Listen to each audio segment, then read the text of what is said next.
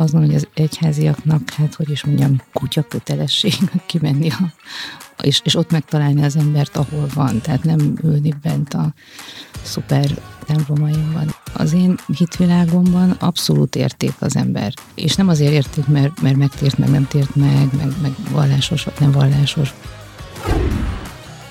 Én Sziciliában dolgoztam, egy vezetői szerepem volt itt a nemzetközi szinten, Beszéltem az egyik nővértársammal egy órát, majd a másikkal egy órát, tehát ez a munkaköri része volt, majd bementem a szobámba, és zokogtam 40 percet.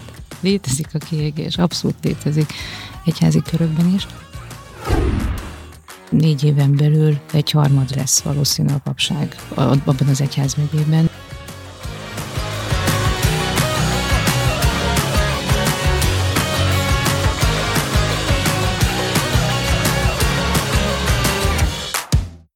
Szeretettel köszöntelek benneteket, kedves hallgatók. Illés József vagyok, a Fel vagy Véve munkaerőpiaci podcast Fröccs házigazdája, és ez a 12-es epizódunk. A mai alkalommal nagyon érdekes témával készültünk a számotokra, mert egy olyan szuper vendégem van, aki két világot is képvisel, és ez a kettősség nagyon szépen végigvonul majd szerintem a beszélgetésünkön. Őt Versegi Beátának hívják, aki egyrészt supervisorként, coachként és trénerként dolgozik a világi életében, és ez mellett nővérként dolgozik az egyházi életben, és mind a két szerepét, vagy több sapka is, erről majd fogunk beszélgetni, nagyon magas szinten űzi. Szerbusz Beáta! Szerbusz! Köszöntöm a hallgatókat! Nagyon örülök, hogy elfogadtad a meghívásunkat, és régi vágyam volt, hogy egy olyan adást csináljunk, amiben egy picit a, a világi rohanás mellett, meg a hard tények mellett, hogy mi jellemző a munkaerőpiacra, meg milyen e, vállalati folyamatok vannak, meg a HR szerepe, egy picit meg tudunk érkezni oda, hogy ezt a területet is emberek alkotják, hússal, testtel, lélekkel, és régi vágyam volt, hogy egy autentikus személlyel beszélgessek arról, hogy mit jelent a hit a mai világ emberének ebben a rohanó életben, erről is fogunk majd beszélgetni, és hát engem nagyon-nagyon érdekelt, hogy egyáltalán olyan, hogy munkaerőpiac az egyházi szegmensben fogalmazzunk így, elképzelhető-e. Ugye annyit látunk, hogy néha, amikor az édesanyámat elkísérem a misére, akkor látom, hogy na már a sokadik papunkat hozzák a kis falunkban, mert egy pap több települést is kiszolgál, és ebből leszűrtem, hogy biztos gond van a papi munkaerőfronton, és nyilván nővérekkel, apácákkal az ember néha találkozik filmekben. Nagyon messzi ez a világ, mindig is nagyon-nagyon érdekelt, úgyhogy szerintem számtalan olyan izgalmas témát fogunk majd tudni érinteni, ami erről a világról szól, és mindezek mellett nagyon érdekel a világi arcod is. Még egyszer köszöntelek, és mielőtt belevágunk ezekbe a témákba, arra kérlek, hogy egy pár szóba mutasd be magad a hallgatóknak. Nagyon köszönöm a meghívást, és izgalmas az, amit kínálsz, ez a beszélgetés, és kíváncsian vágok én is be, beleveled. Hát szakmai életutam tekintetében azért az alapvégzettségem az teológus, tehát ez egy eléggé jól megtalpalt teológus vagyok, azt tanultam mintegy hét évig, és ebből van egy PHD fokozatom is, méghozzá keresztény antropológia szakirányon. Tehát ez azt jelenti, hogy hogyan gondolkozunk keresztényként az emberről. Azt is mondhatnám, hogy ez egy holisztikus képzés volt az én képzésem, amiben belefért a teológia mellett a szociológia, ez filozófia. Itt volt Budapesten? Hát ez Rómában volt. Rómában Igen, volt. A közeli Rómában, az örökvárosban. Sajnos ilyen képzés még Magyarországon nem létezik. Mondom, itt, itt filozófia, szociológia, pszichológia, teológia egy ilyen, ilyen melans, ez is egy ilyen... Igazi holisztikus képzés így volt van, akkor. Így van, így van.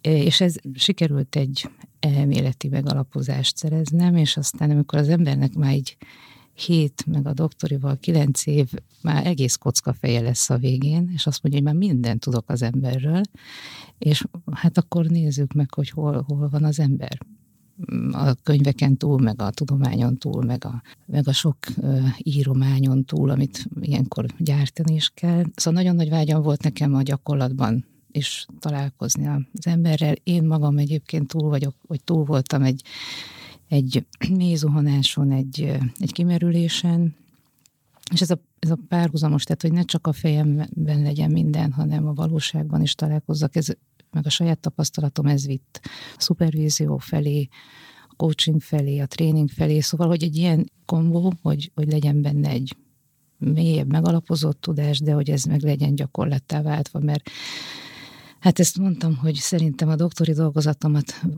kb. öt kutató elolvasta, írtam egy mesét, azt meg mondjuk 9000-en már biztos olvasták az interneten, szóval, hogy hát meg kell határozni az emberek, mi a célja. Üdv a média világában, akkor te is a hallgatókra gyúrsz, vagy az olvasókra. Hát a kommunikáció az a kommunikáció fontos. az fontos. Igen.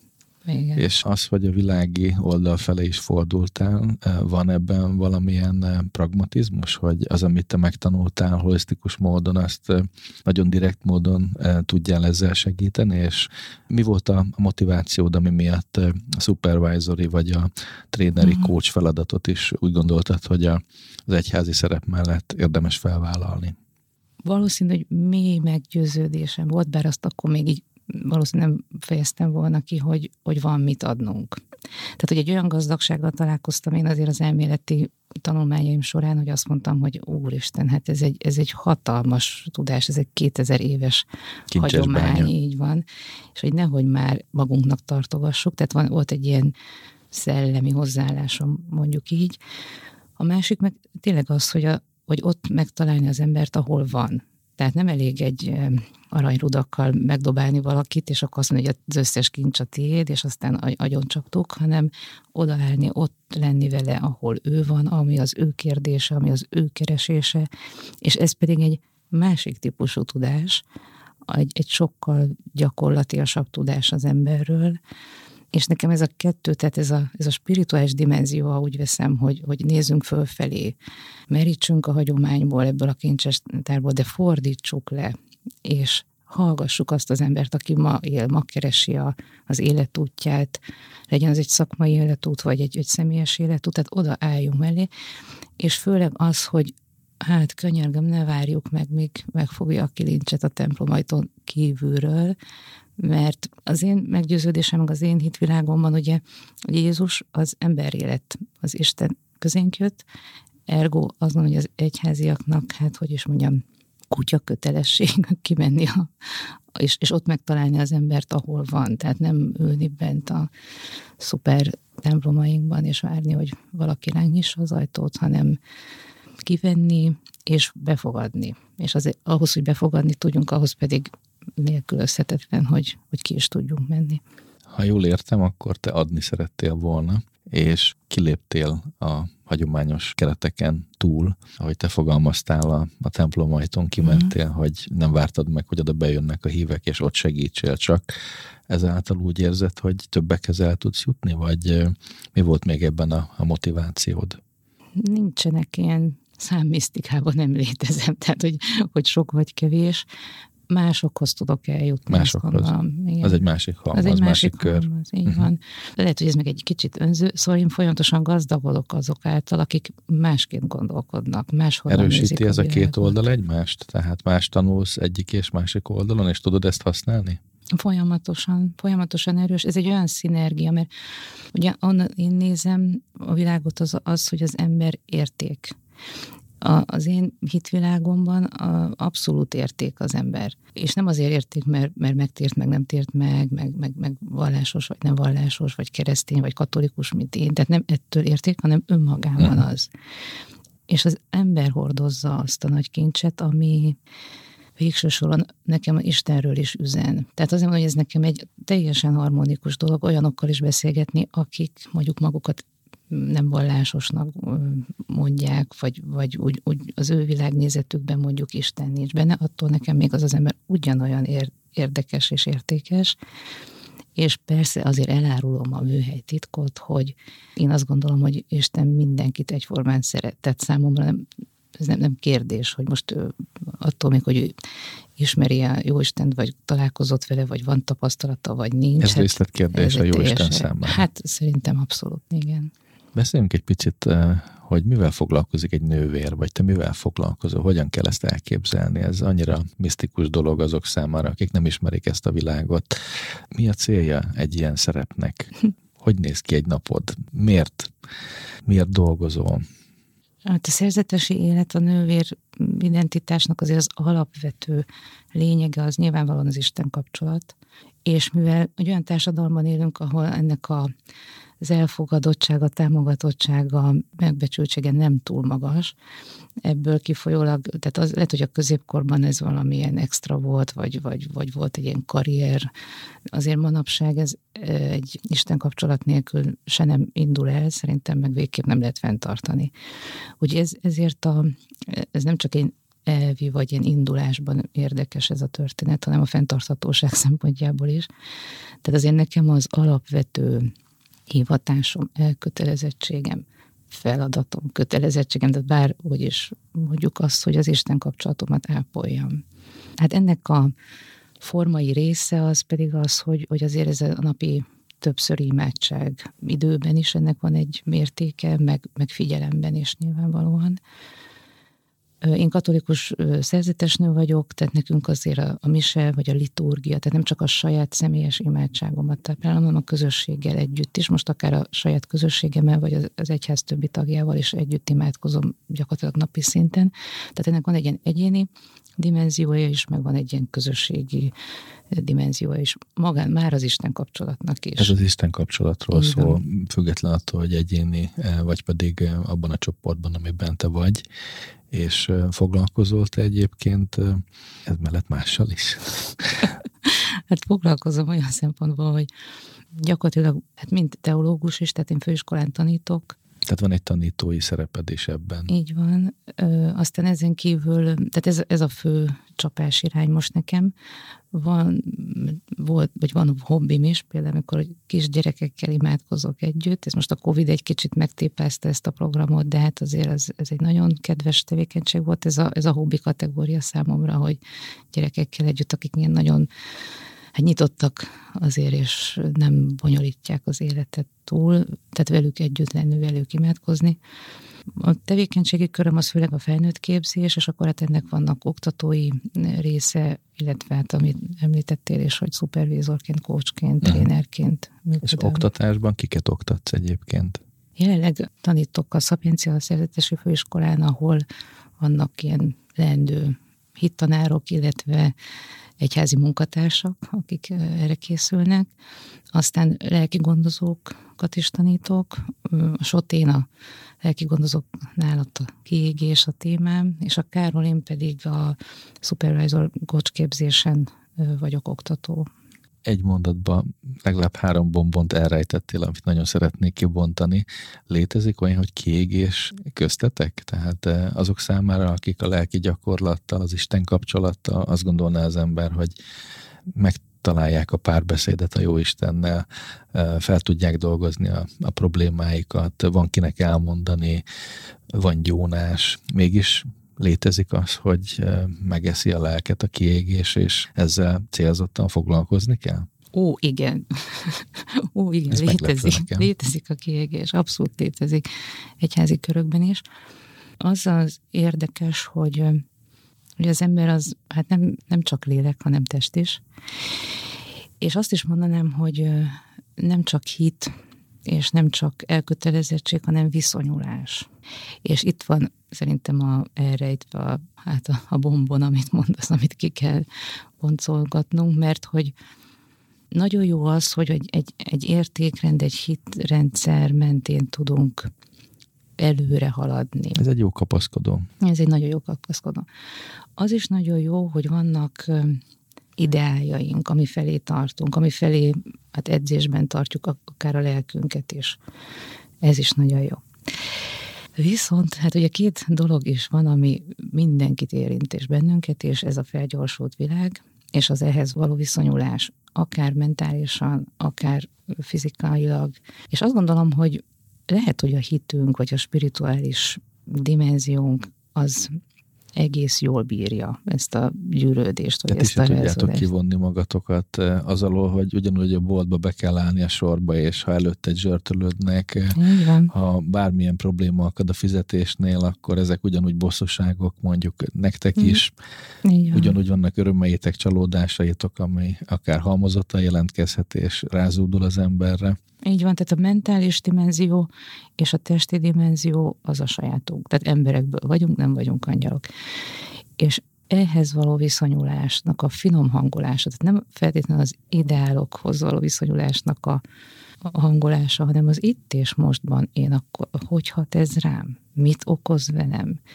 És ennek a tudatosítása, a viszonyulásoknak a módosítása, tehát az, az egy tanulás, az egy nagyon komoly tanulás, és ez attól, hogy, még a, hogy a Jóisten megszólít valakit, és erre az életútra hív, attól még ez a tanulás az nem megspórolható, sőt.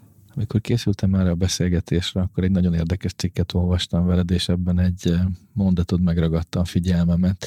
Picit szeretném, hogyha ezt megmagyaráznád a hallgatóknak, hogy mit értettél alatta. Azt mondtad, hogy itt a kiégésed után meséltél, hogy hogy élted meg, és hogy szerencsére a spirituális egyensúlyom nem borult meg, csak a mentális, és ekkor tapasztaltad meg azt, hogy ez a kettő nem ugyanaz. Eh, Mit értettél ez alatt? Így van. Én azért, hát nem is tudom, már 24 néhány éve voltam a pályán szerzetes, mikor ez a kiégés történt velem, ami azt jelenti, hogy tényleg napi kapcsolatom volt a Jóistennel.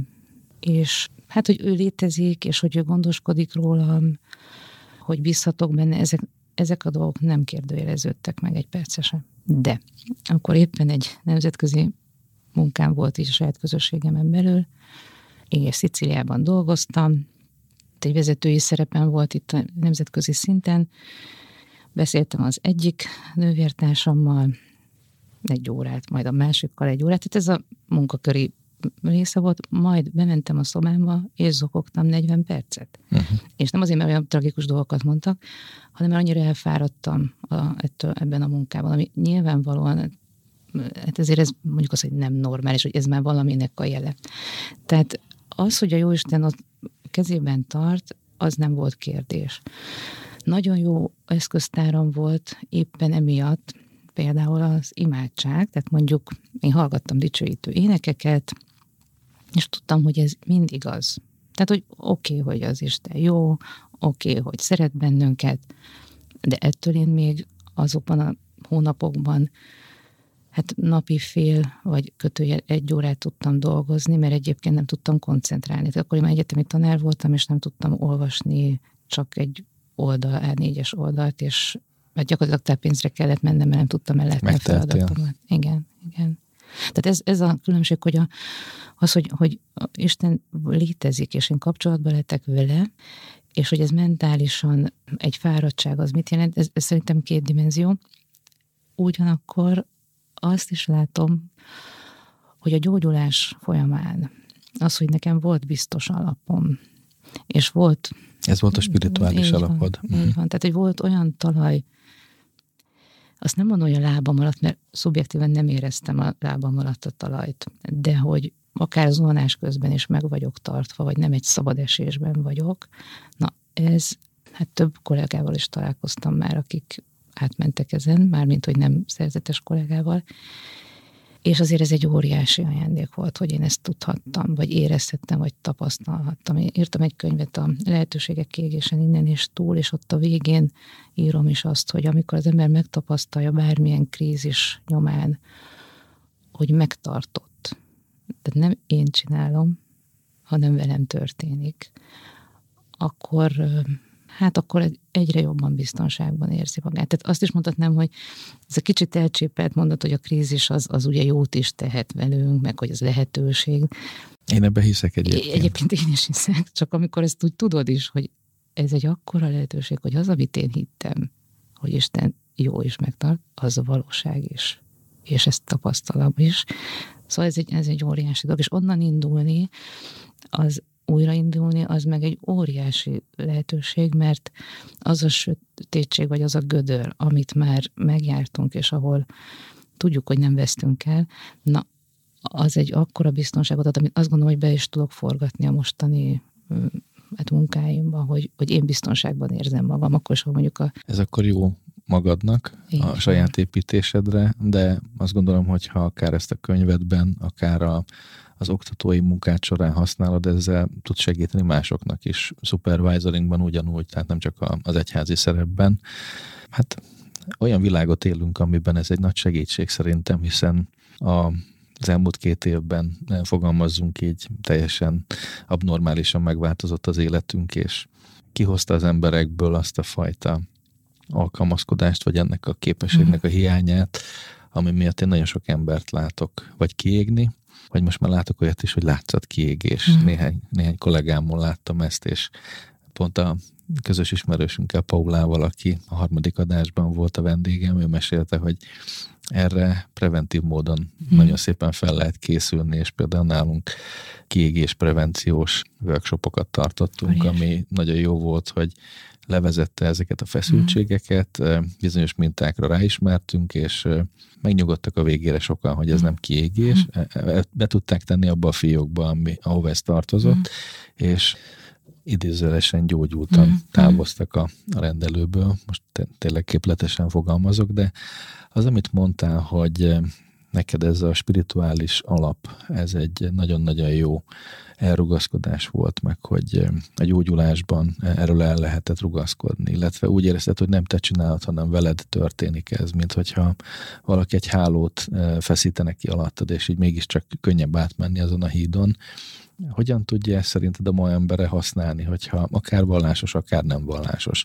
Mit tud ebből tanulni? Mert szerintem nagyon sok embert egy picit jobban befelé nézzünk szerintem ezekben, ebben a két évben, a, a környezeti hatásoknak is köszönhetően, és szerintem van ennek egyfajta tanulsága talán, ami a ma emberének segítséget jelentett. Te mit gondolsz erről? Mit tud ebből mondjuk használni hmm. egy, akár egy világi ember is? Hát azt gondolom, hogy mondtad, hogy befelé nézünk, és hogy ahogy hallgattam, vagy hogy hallottam ezt a szót, mondom, igen, és nézzünk kifelé is. Szóval, hogy befelé is, és kifelé is.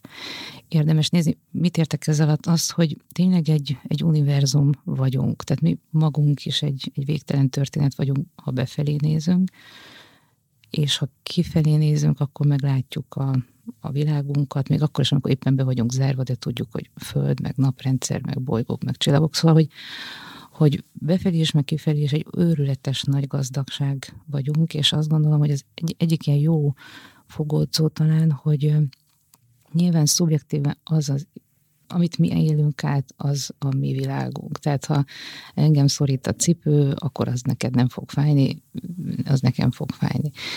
És nekem fájni fog, az tuti.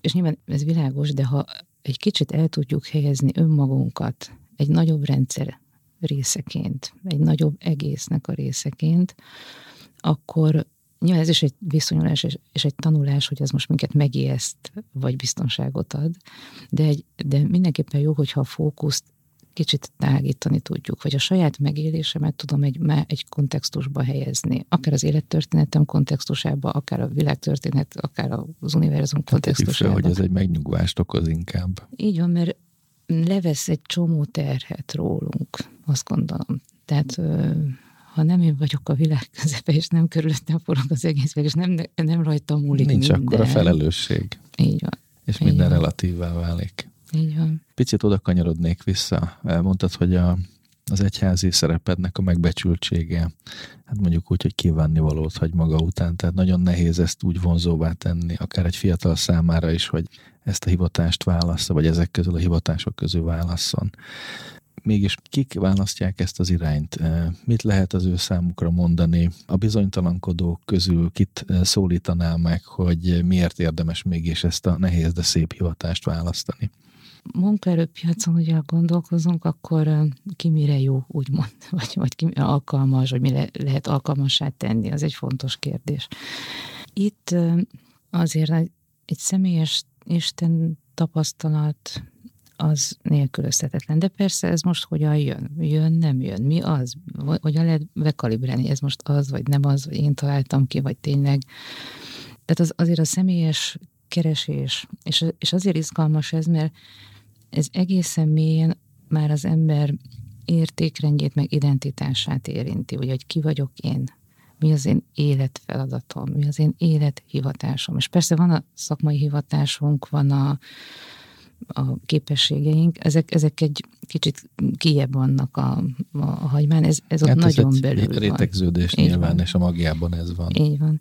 Tehát, hogy, hogy mindenképpen azt gondolom, hogy azok tudnak e felé elindulni, akik bátrak ezt a kérdést feltenni. Mert aki nem ezt kérdezi, azt kérdezi, hogy nem tudom, eladható vagyok-e, vagy mennyiért. Na most ott, ott hát ez ugye mennyiért az eleve nem nagyon számít. Tehát, hogy ezt a kérdést ez fontos feltenni, és, és azt gondolom, hogy végső soron az ember ezt azért úgy felteszi időnként. Ezt az ember felteszi, vagy az ember szülei felteszik gyerekkorában. Ugye én eh, egy kis faluból származom, hmm. és tudom azt, hogy két típusú ember ment a paphoz. Uh-huh. Most a gyerekekről beszélek, mert nekünk egyébként a, a pap volt a foci edzőnk is, tehát eh, a pap válogatottban védett egy, egy istenünk volt, fogalmazzunk így, Isten nyugosztalja. Én, az én vallásom az a speciális, mert van bennem egy erős hit, de nem ezekben a díszletekben mm. gondolkodom, és én így el is távolodtam mm. a, a templomtól, a, a híd gyakorlásától, viszont én nagyon szívesen jártam, én abba a kategóriába tartoztam, hogy imádtam oda menni, mert olyan közösségi életet mm. teremtett a papunk, hogy ott tudtunk társasozni, pingpongozni, mentünk, emlékszem, együtt a Balatonra, és volt ez a, ez a kör, akinek nem feltétlenül a vallási meggyőződése, de egy, egy nagyon szuper személyiségnek a, mm. A, meg az értékrendjének a bevonzása, meg a sport, ami miatt mentünk oda. És volt egy olyan kör, ahol bizony a szülők, a nagyszülők értékrendje egyszerűen végig arra ösztökélte a uh-huh. fiatalokat, hogy ők is menjenek a templomba, gyakorolják a mhm. hitüket, uh-huh. és ezt a csomagot, ezt én azt látom, hogy a családtól kapták, uh-huh. vidéken biztosan, és hogy előbb-utóbb ezekből a fiatalokból egy részükből az lehet, hogy a hígyakorlat az életük része lett, mm. de ők voltak azok, akik olyan középiskolába mentek, mm. olyan továbbtanulás mellett döntöttek, ami idővel akár egy egyházi pályára predestinálta mm. őket, hogy én nem nagyon láttam arra példát, de ez nyilván csak nem egy reprezentatív dolog, hogy, hogy az ember egyszerűen úgy gondolta, hogy én most választom ezt a hivatást, hanem nagyon erősen a szülői gyökerek ezt meghatározták. Te hogy látod ezt, hogy ez a tipikus, amit én mondok, de mondom, ez egy pici falu mm. szűk mintáján láttam ezt, nem gondolom, hogy ez az általános, vagy pedig eh, az is tipikus akár, hogy mondjuk emberek megvilágosodnak, és tudatosan, nem pedig sodródva választják ezt a területet. Köszönöm a kérdést. Hadd reagáljak még valamire, mondtad a foci csapaton, meg a csapatot, az előbb én arról beszéltem, hogy az egyéni, tehát hogy az Isten kapcsolat, de hogy a második pont az az, hogy van-e közösség, van egy csapat. Mert egyházi pályára azért, tehát bár létezik ez az egyéni megszólítottság, de ezért ez egy nagyon csapatjáték műfaj alapvetően. Most az, hogy úgy játsszuk ezt a játékot, vagy se, és mit kell ezért tennünk, hogy egyre jobban játsszuk csapatjátékként az egyházi szolgálatot, ez egy izgalmas témánk lehet, de alapvetően fontos. Tehát, hogy a kettő a együtt, szerepe, a közösség igen. szerepe abszolút.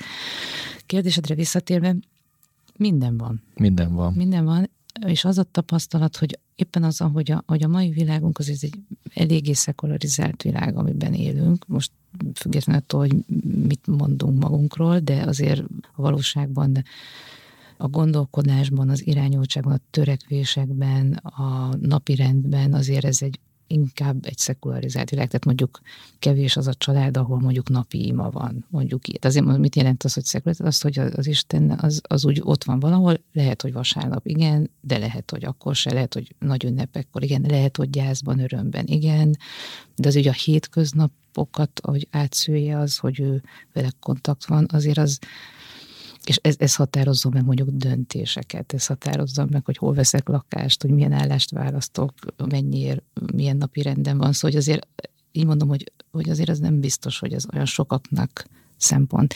Szóval egy alapvetően szekularizált világban, még ha valaki ilyen csomagot is kap, mármint neveltetéssel, hogy vallási irányultság, egész biztos, hogy a hatások azok mindenfélék lesznek és azért előbb vagy utóbb ez a személyes döntés az hát szerintem kikerülhetetlen. Lehet, hogy valaki sokáig sodródik, és akár még be is sodródik egy ilyen egyházi rendszerbe, de az tudja, hogy előbb-utóbb neki személyesen meg kell hozni egy döntést. És a tapasztalat az az, egyébként nagyon érdekes, hogy hát nekem nővértársaim között is jó páran vannak, akiknek nem volt ilyen neveltetésük, és egy személyes keresés, életút mentén találkoztak egyébként mindjárt közösséggel, vagy személyekkel, tehát nem feltétlenül direktben ugye egy, egy Isten tapasztalattal, hanem bizony az embereken, barátságokon, társaságon keresztül sodródtak, irányultak, kerestek, tettek fel kérdéseket, és akkor egyszer csak azt mondták, hogy húha, itt, itt nekem ez itt még több, mint mondjuk a társaimnak, vagy, vagy, vagy ez, egy, ez, egy, ez egy olyan tapasztalat, amire rá lehet tenni egy életet. Egyébként a saját példámból okulva azok, akik végül mélyen vallásosak lettek, vagy akár egyházi pályát választottak. Nyilván náluk látom, hogy nagyon kevesen vannak, uh-huh. és majd ide is szeretnék kiukadni, hogy hogy látod ezt a munkaerő hiányt uh-huh. ezen a területen, és milyen kitörési pontokat látsz. Viszont amit mondtál a közösségről, oda csatlakoznék vissza, hogy hogy nagyon fontos tanító szerepe volt, legalábbis vidéken ennek a közösségnek. Most személyes példámat hadd meséljem el, magamon is mosolygok. Én 40 éves koromig nem káromkodtam. Én most a dükkezelésnek, meg a konfliktuskezelésnek eh, az én kedves páromtól somó mindent megtanultam, ez is közéig tartozott, és én így vezetem le néha feszültséget, de én 40 éves koromig nem káromkodtam, és ez tudom, hogy azért van, mert a mi papunk, amikor foci edzést tartott, azok, akik káromkodtak, két kör futás volt. és egész egyszerűen, akik ott voltak, azoknak, pedig hát azért vidéken, ott szablatosak voltunk abban a faluban, de egész egyszerűen nem volt sikkáromkodni. Ja, hadd mondjak valamit erre. Akkor lehet, hogy lehet választani, hogy a vagy két kört futsz otthon is. De az időigényesebb. Az időigényes, Viszont igen. a koleszterint jobban égeti. A koleszterint jobban égeti, és majd a futással is eh, ki fogunk térni, csak dobálod a labdákat. Úgyhogy eh, van itt hatása szerintem azokra is, akik eh, később más pályát választottak, csak, és nem is napi hídgyakorlók, csak az értékrendjükbe valami beépült, én egyébként annyira hiányolom ezeket a kis közösségeket, mm. mert mondjuk úgy, hogy nagyon rossz a pr az egyháznak. Ugye, ami a bulvár médián, meg a tömegtájékoztatáson keresztül átjön, sokkal inkább a, a pedofil példák, a, a rossz, rossz példák, ami egy hétköznapi hallgatót vagy tévénézőt elrettent, hogyha ilyeneket hall, és nem csinál hozzá kedvet, uh-huh. hogy uh-huh. akár a fiamat mondjuk erre a pályára állítsam. Beszéljünk most erről, hogy mégis arról van neked információt, hogy mondjuk az egyházon belül Magyarországon hányan dolgoznak, körülbelül mekkora lehet a hiány, jelzett, hogy nem nagyon, úgyhogy érzésekről fogunk tudni beszélni. Amit mondtam, hogy amikor hazalátogattam a kisfalunkba, és láttam, hogy már a sokadik kiközvetített papunk van, ebből én azt szűrtem le, hogy azért ezen a területen nem lehet bőség.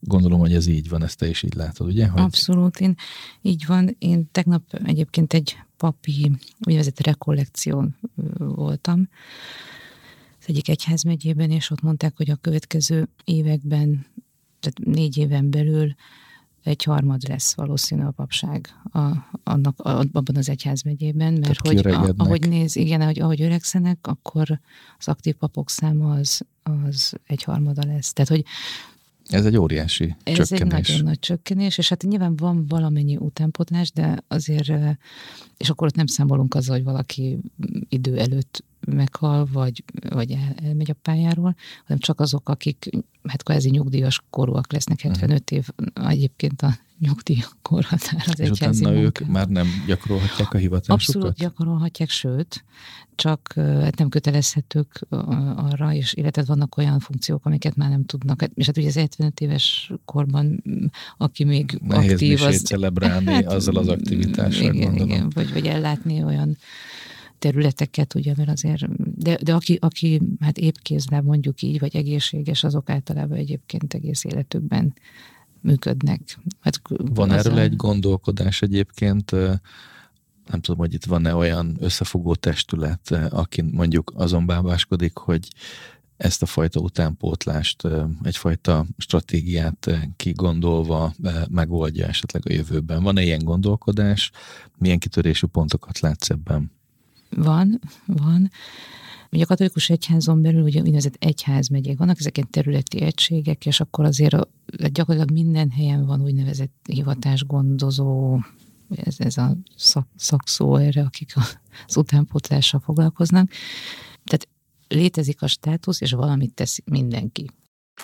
Azt, hogy mit lehet tenni, milyen jó gyakorlatok, specialitások vannak az egyházi toborzásban, ezt a következő alkalommal fogjátok tudni meghallgatni, ugyanis egy technikai baki közbejött, és nem vettük észre, hogy a felvétel megállt.